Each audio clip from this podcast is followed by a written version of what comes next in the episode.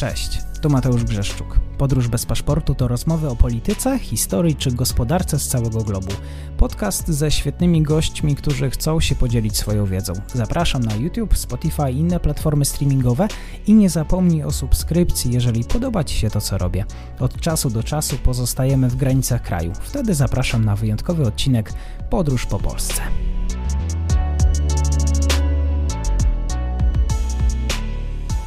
Dzień dobry wszystkim słuchaczom.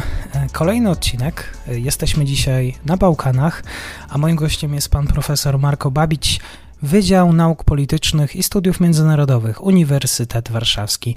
Dzień dobry panie profesorze i bardzo dziękuję za przyjęcie zaproszenia. Dzień dobry. Ja dziękuję za zaproszenie mnie właśnie do, do pańskiego programu. Panie profesorze, dzisiaj chciałbym porozmawiać z panem o tej wielkiej Albanii, o idei, o tej koncepcji, która już gdzieś rozgrzewała Albańczyków. Jednak przyznam, że jak zapoznałem się w ogóle z materiałem, mam wrażenie, że nie da się o tym mówić bez takiego wstępu historycznego, nawet małego zarysu bo rzeczywiście aktorów zewnętrznych i tych wątków, o których nawet pan profesor mówił mi przed naszym spotkaniem, tych wątków na Bałkanach mamy naprawdę bardzo dużo. Przyznam też, że zapoznanie się z tym wątkiem nie znaczy, że z łatwością będę o te Bałkany pytał. Tutaj nic nie jest czasami jasne. Dzisiaj chciałbym porozmawiać, zarysować ten temat historii Albanii, trochę o tureckiej okupacji, e, niepodległości, o tej idei zjednoczenia wszystkich Albańczyków pod hasłem Wielkiej Albanii. Pewnie wspomnimy o II wojnie światowej, o włoskich wpływach, o rządach komunistów, e, demokratyzacji. Robert Curzon, e, dyplomata, podróżnik, miał napisać w latach 30., że o Albanii nikt nie ma pojęcia, iż nawet nie wiedzą o tym kraju narody bałkańskie, bo ta Wielka Albania to tylko iluzja, to jest mit. Panie profesorze, zanim przejdziemy do konkretów, czy moglibyśmy wyjaśnić słuchaczom, kim właściwie są Albańczycy? Z tego co wiem, są potomkami starożytnych Ilirów, plemienia, które zamieszkiwało dzisiejsze tereny północnej Grecji. Tak, to prawda. To nie jest naród ani pochodzenia słowiańskiego, to nie są ani Turcy, to nie, są, to nie jest naród pochodzenia czy z grupy narodów romańskich. Mówię o sąsiadach, prawda?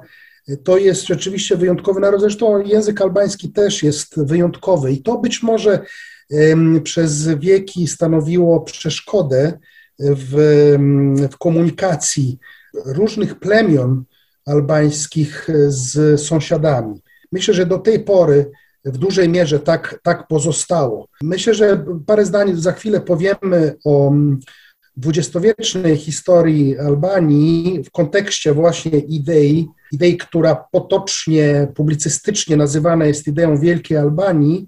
E, Albańczycy e, bardzo nie lubią tego, zresztą politycy, intelektualiści albańscy nie lubią tego określenia. Jeżeli już mówią o tym, to mówią o Albanii naturalnej, Albanii etnicznej a właściwie mówiąc o tym samym, bo mają na, mają na myśli Albanię, która obejmowałaby swoim zasięgiem wszystkie, wszystkie, całą populację albańską, y, która zamieszkuje, która znajduje się w obrębie granic różnych państw dzisiaj, prawda, jeżeli chodzi o mapę polityczną dzisiejszych Bałkanów.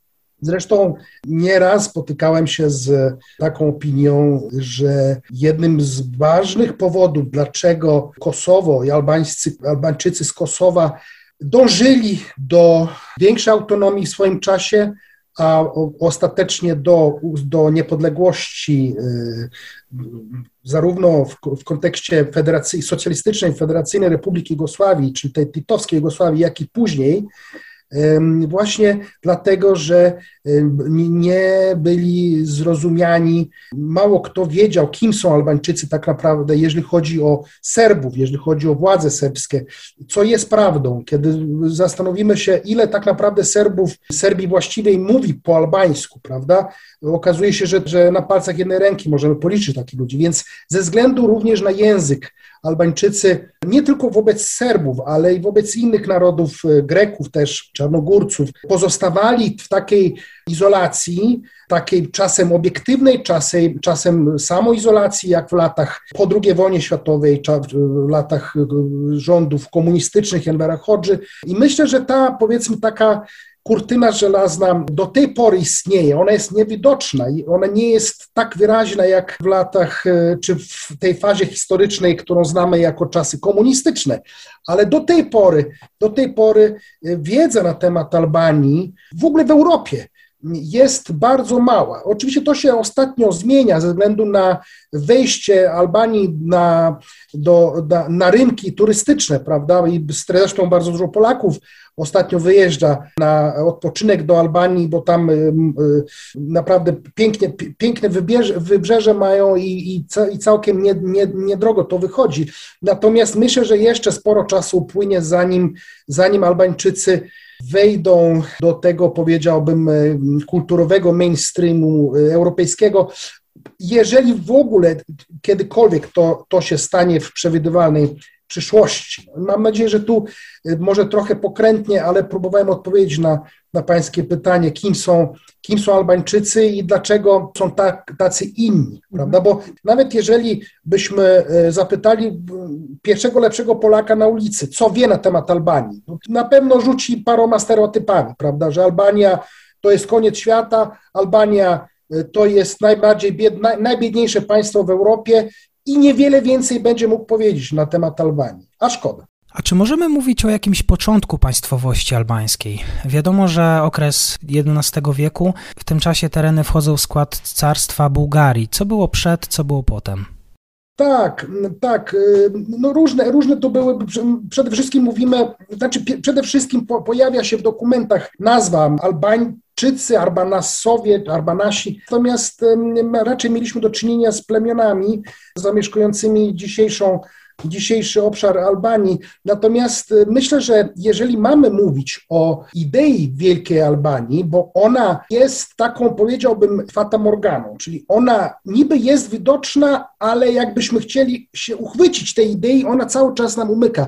jeżeli mamy o tym rozmawiać, to ja proponuję zacząć od czasów nowożytnych, czyli od Albanii, która próbowała, czy o dążeniach, o aspiracjach Albańczyków do utworzenia nowoczesnego państwa albańskiego, a to już mówimy o XIX wieku. Myślę, że to by było bardziej bardziej ciekawe dla słuchaczy. Jeżeli pan się zgadza, Oczywiście. trzeba powiedzieć, tu trzeba powiedzieć następującą rzecz. Mamy drugą połowę XIX wieku. Mamy chorego człowieka Europy, jak było określana, określane Imperium Osmańskie tego okresu.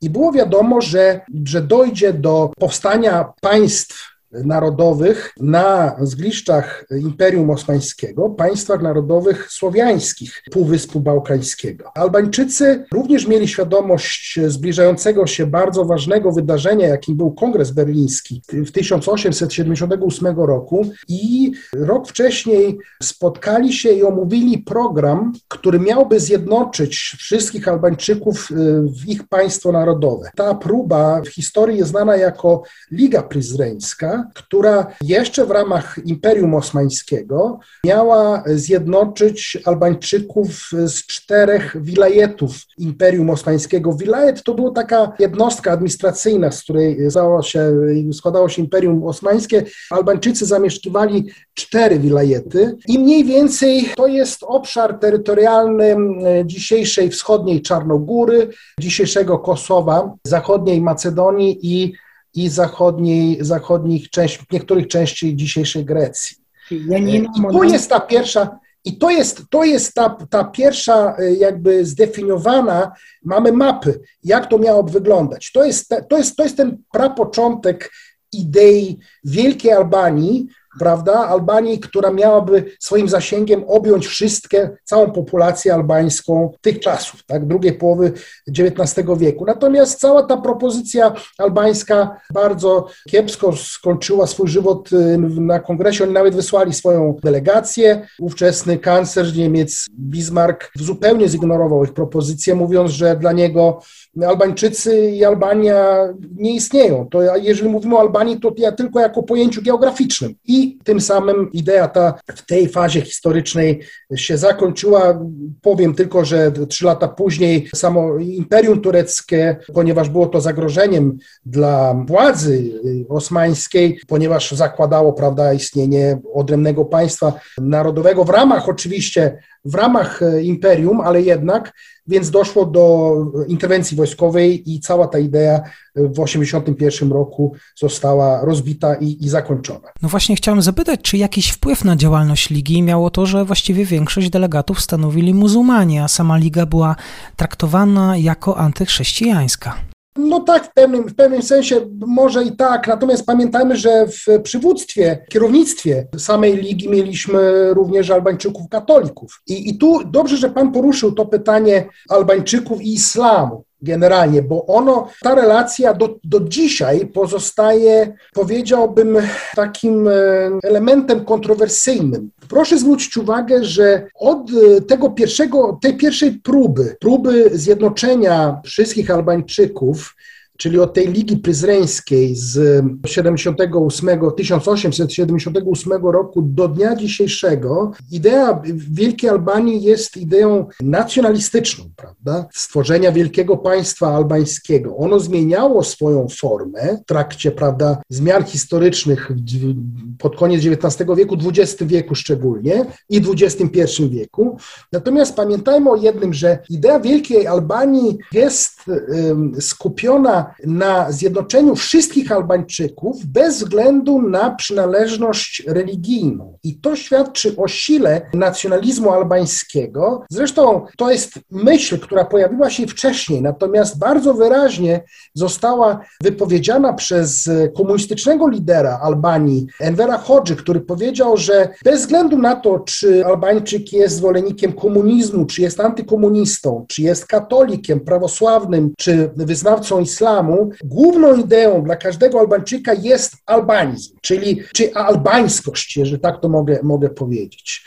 I to jest główna charakterystyka nacjonalizmu albańskiego, że bez względu na przynależność religijną, wszyscy mamy zadziwiający poziom jedności narodowej wokół tej idei. U Serbów tak nie ma, u, u Chorwatów tak nie ma, u Bułgarów tak nie ma.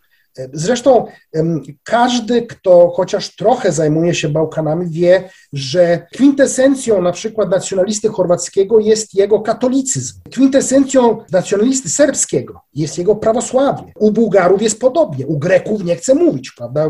Niezwykle ważną, ważnym elementem tożsamości greckiej jest prawosławie. Natomiast u Albańczyków istotą ich nacjonalizmu jest albańskość, a nie przynależność do konkretnej konfesji. I to, to stanowi o wielkiej sile samej idei zjednoczenia wszystkich Albańczyków. I dlatego jest z punktu widzenia Albańczyków skuteczna, natomiast y, dlaczego, dla, dla te, z tego samego powodu jest wielkim y, niebezpieczeństwem dla przeciwników tej idei, dla państw i narodów sąsiedzkich. O tym trzeba cały czas pamiętać, y, kiedy mówimy o, o idei zjednoczenia wszystkich Albańczyków w jednym państwie. To jest ciekawe, bo sam narodowy poeta Pasko Wasza stwierdził, że religią Albańczyków jest właśnie albańskość. Albania jest krajem niespotykanej tolerancji religijnej, bo chyba nie ma znaczenia, kto w co wierzy. To prawda, ale z drugiej strony, kiedy popatrzymy na realność samej idei, jeżeli zadajemy sobie pytanie, dobrze, mówimy o idei Wielkiej Albanii, na ile ona jest realna dzisiaj? to musimy pamiętać o dość dużych różnicach między samymi Albańczykami Albańczykami z Albanii, Albańczykami z Kosowa i Albańczykami na przykład z zachodniej części Macedonii, albo generalnie z Albańczykami z Macedonii. I tu mamy dość duże podziały, natomiast podziały stojące w korelacji z przywiązaniem do religii. I to, to jest bardzo ciekawe, bo oczywiście większość, większość Albańczyków w Kosowie jest wyznania islamskiego, natomiast to, są, to jest takie przywiązanie bardziej y, do tradycji niż do jakiegoś fanatyzmu religijnego, prawda? Mówię o, generalnie o populacji albańskiej w Kosowie. I tam mamy, to jest, to jest badanie Galupa sprzed paru lat, w którym stwierdzono, że 70, między 70 a 80% Albańczyków z Kosowa popierałoby ideę zjednoczenia. Na, na to samo pytanie w samej Albanii odpowiada na 60% populacji. Natomiast w samej Albanii mamy również oczywiście większość e, wyznającą islam, natomiast dość duże mniejszości katolików albańskich i prawosławnych.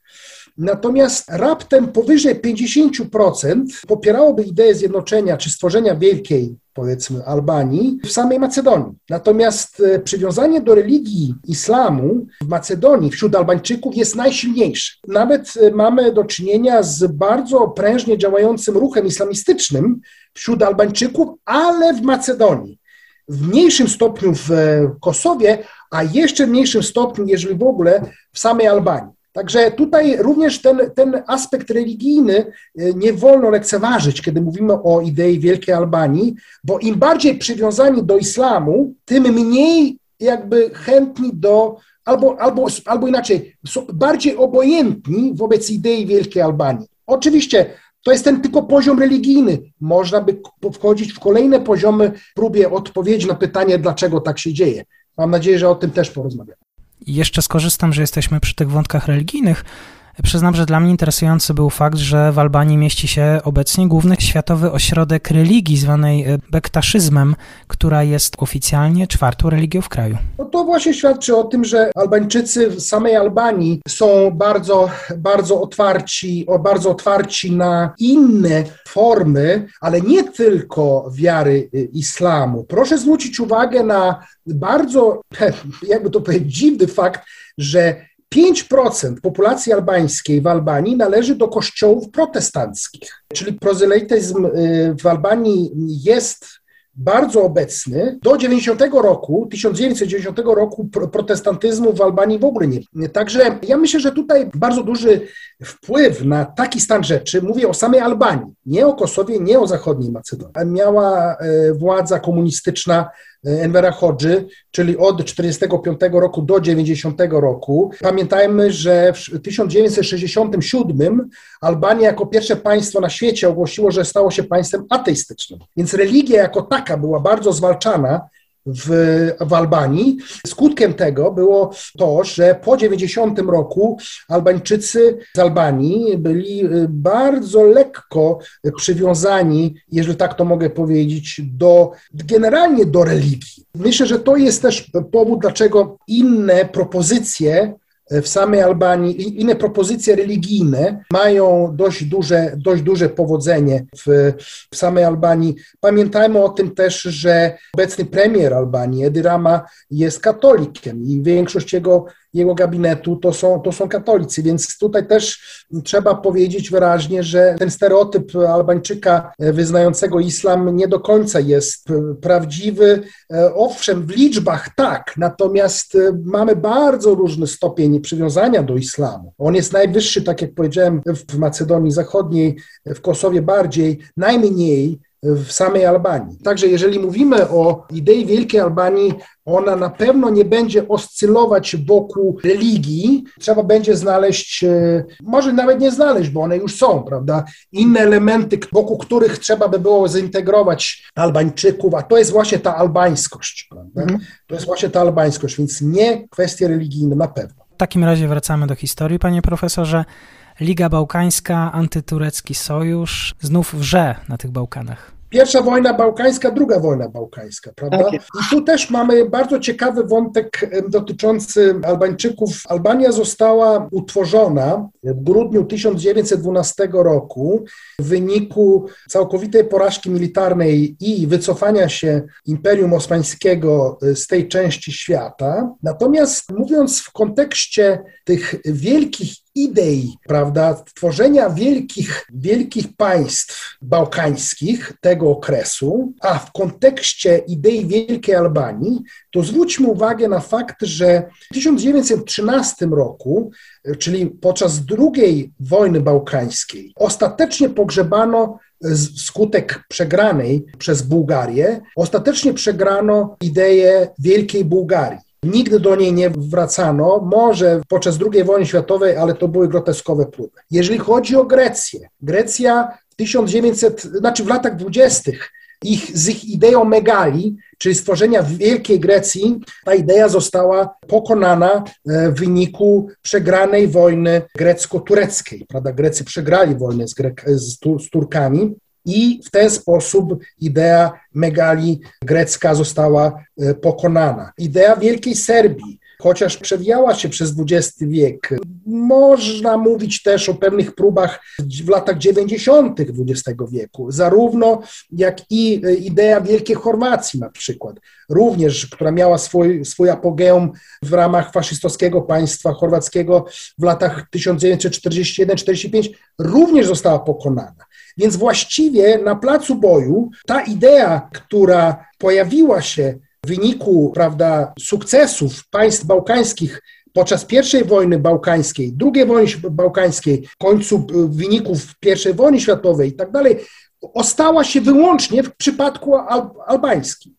I, I tak naprawdę, kiedy popatrzymy na dzisiejszą E, sytuację, to mamy zadziwiającą sytuację, dlatego że w Europie mamy dwa państwa, mamy, kasus albański pokazuje, że Albańczycy mają dwa państwa narodowe. Mają mhm. Albanię i mają Kosowo. I mało tego, to wszystko się dzieje pod auspicjami państw zachodnich. To jest dopiero ciekawa sprawa. Sam fakt ogłoszenia niepodległości Kosowa w 2008 roku na pewno stanowi sygnał dla Albańczyków, by dalej kontynuować w sposób mądry, w sposób stopniowy realizację tej idei kiedyś w przyszłości. Zresztą Albańczycy, myślę, w przeciwieństwie do większości, jeżeli nie wszystkich narodów bałkańskich, są niezwykle zdyscyplinowani i są zadziwiająco silni w swojej jedności narodowej, jeżeli chodzi o realizację swoich celów. Czy to pod, prawda, jako Królestwo Albanii pod egidą faszystowskich Włoch, prawda, bo to jest w latach 40. mieliśmy do czynienia z takim królestwem, e, które obejmowało swoim zasięgiem prawda, terytoria, które dzisiaj byśmy określali, określali jako Wielką Albanię, ale, ale oczywiście pod egidą faszystowskich Włoch, czy pod, e, w ramach ideologii prawda, komunistycznej, bardzo ostrej ideologicznie formie albańskiego komunizmu Envera Hodży, czy w dość liberalnej wersji komunizmu w Jugosławii, prawda, tytowskiej, ta idea nigdy nie, nie umarła. Ona po prostu zmieniała swoją formę, czy nawet w pewnym, pewnym sensie nawet pojawiają się takie głosy w ramach pewnej jedności, w ramach religii islamu. Oczywiście ta, ta ostatnia, ten ostatni wariant jest najmniej prawdopodobny ze, ze względów, o których mówiłem wcześniej. Chciałbym wrócić do tematu I wojny światowej. To jest czas wielkiego chaosu na albańskich ziemiach. Politycy albańscy spierają się też do przeszłości. Powstają bojówki albańskie zwane kaczakami, które napadały na miejscową ludność. Te same bojówki zdołały przejąć kontrolę nad Skopie. Chciałbym pana profesora zapytać o to, jaką rolę pełni to miasto, bo do dziś stolica Macedonii jest uważana zresztą za jedno z głównych miast albańskich. Mieszka ich tam ponad 100 tysięcy. Tak. Generalnie kwestia, kwestia Macedonii dzisiaj Macedonii Północnej jest moim zdaniem kluczowa, poza kwestią Kosowa oczywiście, kluczowa, jeżeli chodzi o ewentualną kiedyś w przyszłości realizację tej idei jednego wspólnego organizmu wszystkich, który będzie skupiał wszystkich Albańczyków. Zresztą e, państwo Macedonii, które ogłosiło niepodległość we wrześniu 1991 roku, spotkało się od razu z wielkimi problemami. Z jednej strony z, z Grecją, prawda, która protestowała przeciwko nazwie, z drugiej strony, mimo faktu, że Bułgaria była pierwszym państwem na świecie, które uznało niepodległo, nie, niepodległość Macedonii, to oczywiście zrobili to z własnych powodów e, politycznych, natomiast Bułgarzy do dnia dzisiejszego otwarcie kwestionują kwestię języka macedońskiego, twierdząc, że to jest po prostu jeden z dialektów języka bułgarskiego. Natomiast gdzie są Albańczycy w całym tym e, obrazie? Pamiętamy, że w 2001 roku e, doszło do buntu Albańczyków, do małej wojny między siłami porządkowymi państwa macedońskiego, a buntownikami albańskimi pod e, egidą Unii Europejskiej Stanów Zjednoczonych, przede wszystkim Stanów Zjednoczonych. Konflikt ten został zakończony e, porozumieniem z Ochrydy.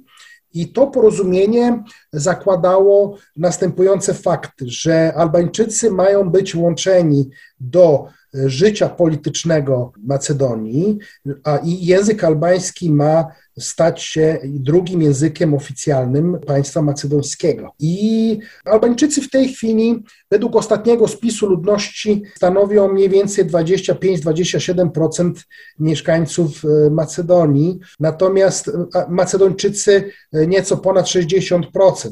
Natomiast te proporcje z roku na rok się zmieniają na korzyść Albańczyków. Jeżeli do tego dodamy, czyli zmiany demograficzne, tu też odpowiadam, odpowiadam na, na Pańskie pytanie, jeżeli chodzi o Skopie. W Skopie mamy całe dzielnice, które są całkowicie etnicznie albańskie. I one się, one się, że tak powiem, rozszerzają, jeżeli chodzi o, o ludność. Z drugiej strony, z drugiej strony pamiętajmy, że w wyniku porozumienia z Ochrydy z 2001 roku w Macedonii, znaczy w ogóle system polityczny Macedonii musiał zostać zmieniony w tym sensie, że albańskie partie, które zazwyczaj występują koalicyjnie, są kluczowym graczem właściwie na scenie politycznej Macedonii i decydują zarówno o polityce zagranicznej, jak i o polityce wewnętrznej państwa macedońskiego. To znaczy, jeżeli na przykład premierem jest Macedończyk, to musi, e, Albańczyk musi być, e, musi, mniejszość albańska musi mieć ministra spraw wewnętrznych albo ministra spraw zagranicznych i tak dalej, więc tu mają bardzo ważną rolę politycznie. Jeżeli chodzi na przykład, to jest ciekawostka, jeżeli chodzi o porozumienie Cypras-Zaew, prawda, mowa z, pres, z Prespy, która pożegnała problem polityczny na relacji grecko-macedońskiej w sprawie nazwy. Macedończycy zmienili nazwę na, na Macedonia Północna, Republika Macedon Północnej Macedonii. Grecy się na to zgodzili. E, tu trzeba powiedzieć, że Albańczycy właściwie patrzyli na to z boku, bo oni nie czują przywiązania tak naprawdę do państwa macedońskiego, ponieważ wiedzą, że czas pracuje dla nich. Natomiast bardzo mocno się zaangażowali w wsparcie Zaewa. Zresztą nie byłoby rządu Zaewa bez wsparcia koalicji partii albańskich w procesie przystąpienia Macedonii do NATO. Mhm. I tym samym pokazali że amerykańskim prawda, sojusznikom, że można liczyć na Albańczyków nie tylko w Kosowie, nie tylko w Albanii, ale i w Macedonii, prawda? Mhm. I tym samym, i tu też liczą na wsparcie, którego dotychczas uzyskiwali ze strony, ze strony Amerykanów. Także tutaj ta kwestia albańskiego czynnika w Macedonii jest niezwykle, niezwykle istotna przyszłościowo, przyszłościowo. I też uważam, że Albańczykom w Macedonii w żaden sposób nie odpowiadałby e, scenariusz, jak, z jakim mieliśmy do czynienia na przykład w 99 roku, czy w ogóle w latach 90. w Kosowie, czyli żaden, absolutnie żaden konflikt zbrojny nie wchodzi w grę, dlatego że oni wiedzą i oni bardzo umiejętnie rozgrywają, bardzo mądrze rozgrywają e, kwestie polityczne w samej Macedonii. Zresztą Zajew by się nie mógł utrzymać władzy, gdyby nie poparcie Albańczyków. Oczywiście zawsze w polityce jest tak, że udzielamy ci poparcia, ale w zamian chcemy, prawda, i tak dalej, i tak dalej. I w ten sposób, i w ten sposób prowadzą, współprowadzą politykę Macedonii, zarówno zagraniczną, jak i, jak i na polu wewnętrznym. Pan profesor wyprzedził nawet moje pytanie, bo po zakończeniu wojny mocarstwa zdecydowały, że Albania zostanie podzielona pomiędzy Grecję, Włochy i Jugosławię. Dopiero tutaj wstawiennictwo prezydenta Wilsona sprawiło, że Albania odzyskała niepodległość, choć na dużo skromniejszym terytorium. Dlaczego Amerykanom właściwie miało zależeć na niepodległości Albanii?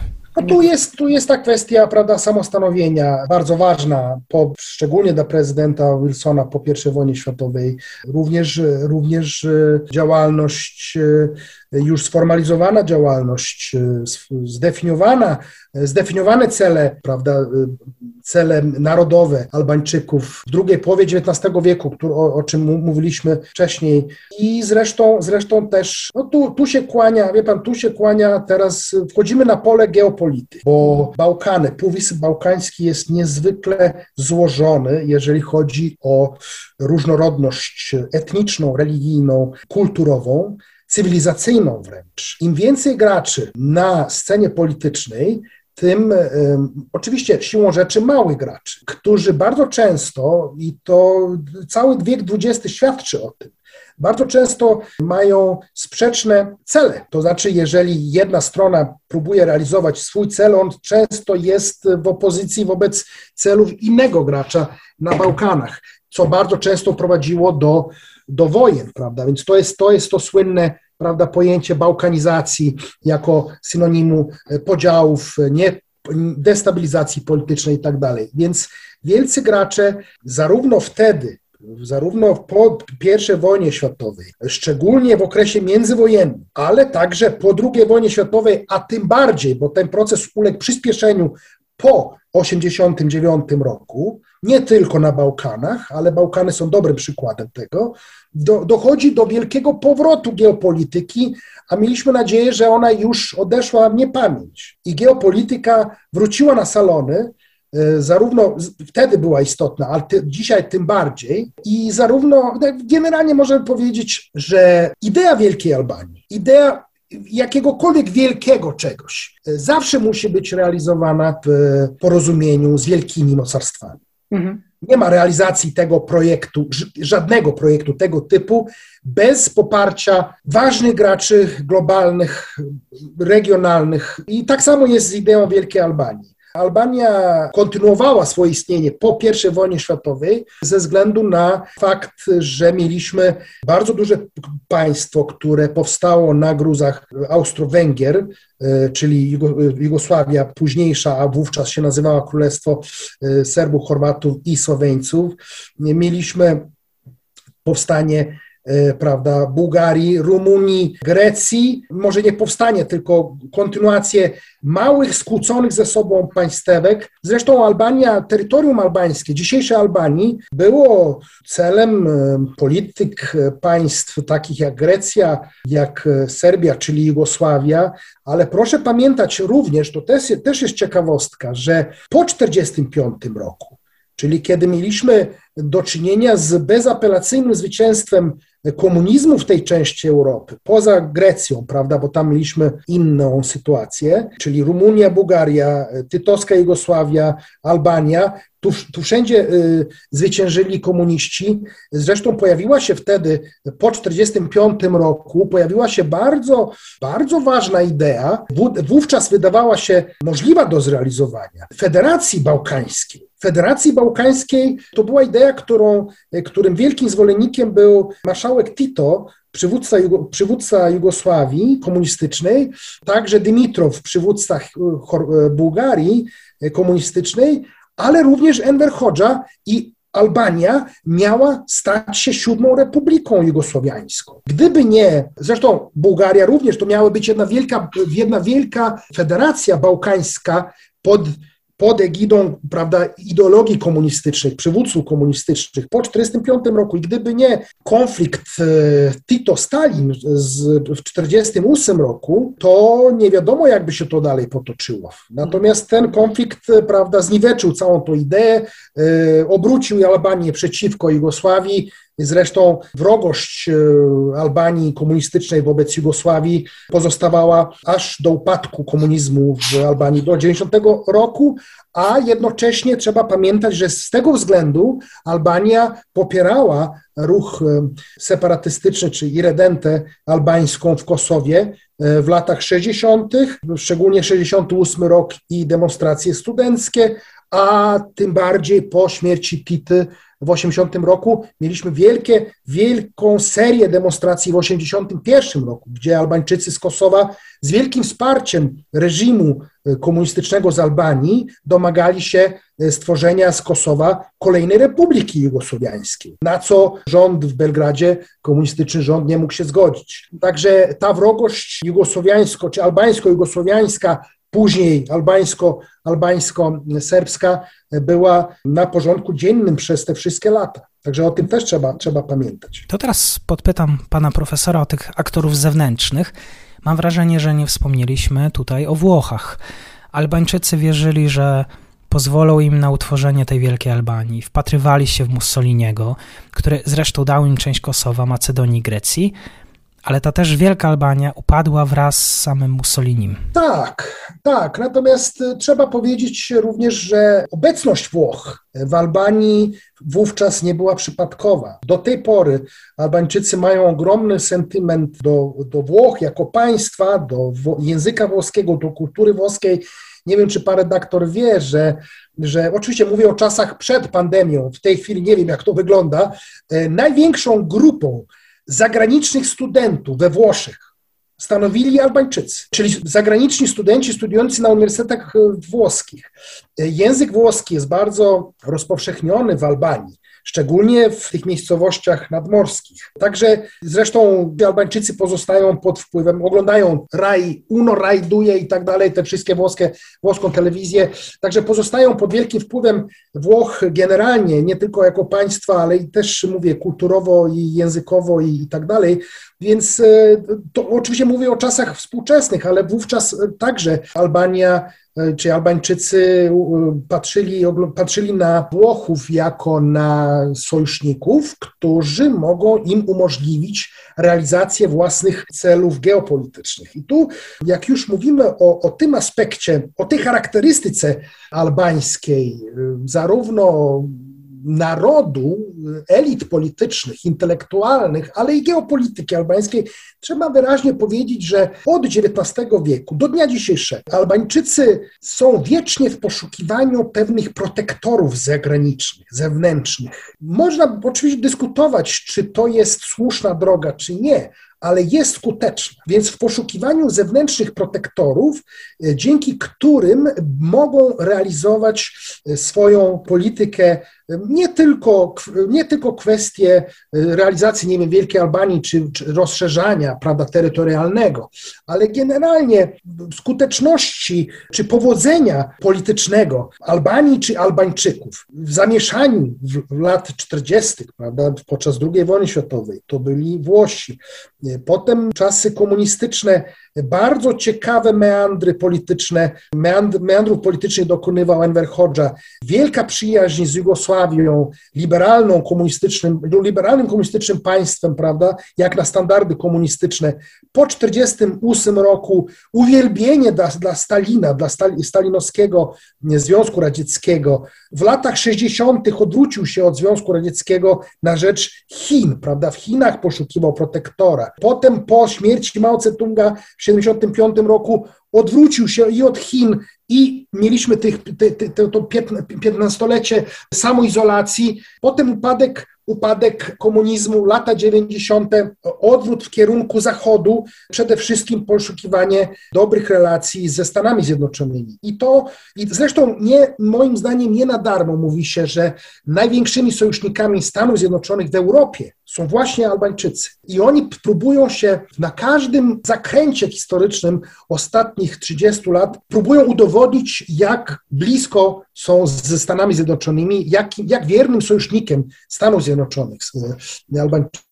Mhm. Więc e, i tu, i tu też, jeżeli popatrzymy na kwestię chociażby Kosowa, tego wszystkiego, co się działo wokół Kosowa, no tu bez, bez amerykańskiego e, prawda, wsparcia nie byłoby nic, prawdopodobnie nie, nie, nie wyszłoby nic z tych planów niepodległości. Zresztą, gdyby nie Stany Zjednoczone, również konflikt z, z Macedończykami w 2001 roku też prawdopodobnie miałby inne skutki. Także mhm.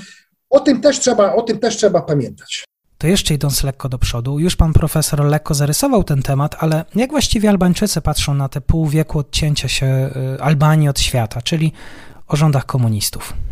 Mówiąc wprost, Enver Hoxha chciał być większym, większym stalinowcem niż sam Stalin. To znaczy e, po 1956 roku, po zmianach w Związku Radzieckim, po słynnym referacie Chruszczowa, kiedy e, uznał, że, do, do, że Stalin popełnił fatalne błędy i tak dalej, Enver Hoxha nie zgodził się z taką diagnozą, uważając, że Stalin i stalinizm w Związku Radzieckim to była jedyna słuszna droga realizacji komunizmu. Ostentacyjnie zerwał stosunki ze Związkiem Radzieckim. Zwrócił się do, do Chin komunistycznych, które w latach 60., pamiętamy, przeżywały szaleństwo rewolucji kulturalnej. Także generalnie ten okres e, rządów Envera Hodży strasznie zaszkodził, powiedzmy, naturalnemu rozwojowi społeczeństwa e, albańskiego.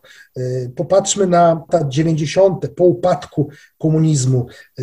Albańczycy, zresztą tu też o tym też trzeba pamiętać, kiedy mówimy o wielkiej, prawda, idei wielkiej Albanii i tak dalej, zjednoczeniu wszystkich Albańczyków, mamy bardzo głębokie podziały w, między samymi Albańczykami, na przykład między Alba, Albańczykami z Kosowa, a Albańczykami z Albanii, prawda, ze względu na właśnie różnice w doświadczeniach historycznych. Pamiętajmy, że e, Albańczycy z Kosowa, mimo że naj, najbiedniejszy region e, Jugosławii, e, żyli o niebo lepiej niż ich krewni z Albanii za, za rządów Envera Hodży. I do tej pory patrzą niejako, niejako z góry na swoich krewnych z Albanii, prawda? Więc tutaj też z tą realizacją Wielkiej Albanii mogłyby być problemy z, te, z, tego, chociażby z tego, z tego punktu widzenia, prawda? Kto, kto jest bardziej uprawniony do, do do kierowniczej roli, prawda, w tym przyszłym wielkim państwie, powiedzmy, hipotetycznym. Także szczególnie, szczególnie szkodliwe były e, te lata po zerwaniu z Chińczykami, czyli tam od, od połowy lat 70. E, do właściwie e, do, do, lat, do, do 90 roku. Mimo, że Enver Hoxha zmarł w 85, to jednak przez pięć, pięć lat kontynuowano istnienie tego reżimu. Przecież tam powstał, można, można jakby uświadomić sobie szaleństwo tego systemu, wspominając na przykład o powstaniu kilkuset tysięcy, czy ponad stu tysięcy bunkrów e, prawda, które dzisiaj stanowią atrakcję turystyczną, natomiast to była taki, taki wyraz paranoi Envera Hodży i całego tego systemu komunistycznego, który uważał, albańskiego, który uważał, że wrogowie są wszędzie, trzeba się pozamykać, więc to był okres tej samoizolacji, który strasznie za, zaszkodził Albańczykom, więc y, myślę, że y, jeszcze, jeszcze długo będą, będą wychodzić z tego okresu trochę poobijani. Myślę, że to jest ten problem również z wielkim, bardzo wysokim stopniem korupcji, nepotizmu. To jest ten, moim zdaniem, główny problem E, i czy walka z tym problemem jest głównym elementem, e, który stoi na przeszkodzie w procesie integracji, integracji z Unią Europejską. Bardzo trudno jest walczyć z tym, e, ponieważ podsumowując, można powiedzieć tak, że mimo trudnej historii, mimo prób utworzenia czy realizacji celów narodowych od, końca, od, od, drugiej połowy lat, od drugiej połowy XIX wieku przez pierwszą połowę XX wieku, prób różnego rodzaju zastosowania scenariuszy, czy to w ramach faszystowskich Włoch, prawda, czy to wcześniej w, w ramach jakiegoś tam królestwa, czy tak dalej, to jednak myślę, że zdecydowanie najbardziej ten okres komunistyczny zaszkodził Albańczykom i pozostawił bardzo głębokie podziały i głębokie problemy, z którymi do tej pory kolejne partie polityczne e, u władzy nie mogą sobie poradzić. I myślę, że Edi Rama też jako, jako lewicowiec, jako przywódca y, Partii Socjalistycznej, obecny premier. Za chwilę mają być, y, zaplanowane są wybory, prawda? Zobaczymy, jak to będzie z COVID-em, ale prawdopodobnie wygra, wygra kolejne wybory. Jest u władzy od 2013 roku.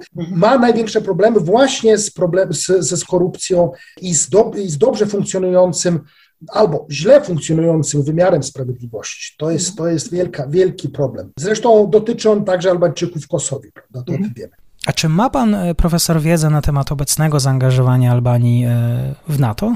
Albania jest w, od 2009 roku w NATO. Weszła z Chorwacją, stara się jak może, by pokazać e, amerykańskim sojusznikom, jak lojalni prawda, Albańczycy są wobec, wobec sojuszników amerykańskich i pokazali to podczas, e, podczas wojny e, NATO-Serbia w, w Kosowie w 1999 roku. Bardzo dużo ochotników albańskich przechodziło przez granicę albańsko-kosowską, walcząc po stronie Albańczyków z siłami serbskimi. I to jest tajemnica Poliszynela, a było to w ramach ramach, w ramach, że tak powiem, sojuszniczych zobowiązań albo, albo i nie Albanii w tym konflikcie. Natomiast nie wiem, co jeszcze mógłby powiedzieć na ten temat. Mhm. Albania pozostaje lojalnym sojusznikiem natowskim.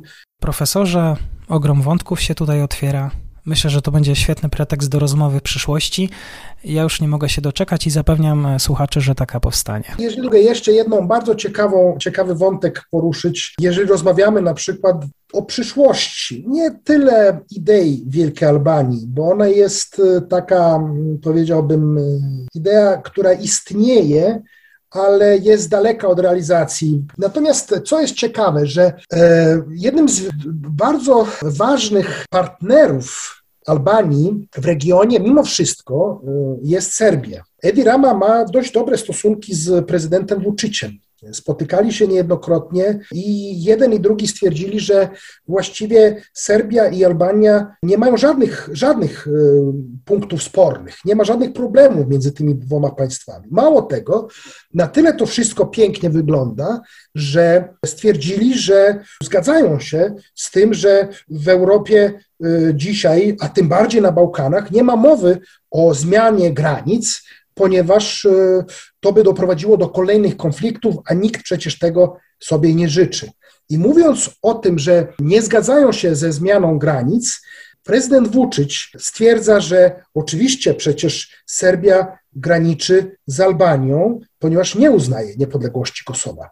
A Edi Rama, mówiąc o tym samym, stwierdza, że właściwie Albania graniczy z Kosowem, dlatego że Albania uznaje niepodległość Kosowa. Także e, widzi pan, na tym polega paradoks e, obecnej sytuacji na Bałkanach generalnie, że wszyscy jakby deklaratywnie zgadzają się co do tego, że jakiekolwiek gwałtowne ruchy mogą doprowadzić do nieszczęścia, ale z drugiej strony pod powierzchnią istnieją podziały, istnieją różnice zdań, istnieją bardzo głębokie sprzeczności, które moim zdaniem niewątpliwie w przyszłości doprowadzą do kolejnych kryzysów i być może kolejnych konfliktów, e, nie wykluczając e, konfliktów zbrojnych, niestety. Mhm. niestety. Panie profesorze, dziękuję za ten świetny skrót historii Albanii, za tę opowieść o Bałkanach. Dziękuję bardzo i do usłyszenia niebawem. Dziękuję bardzo. Do widzenia.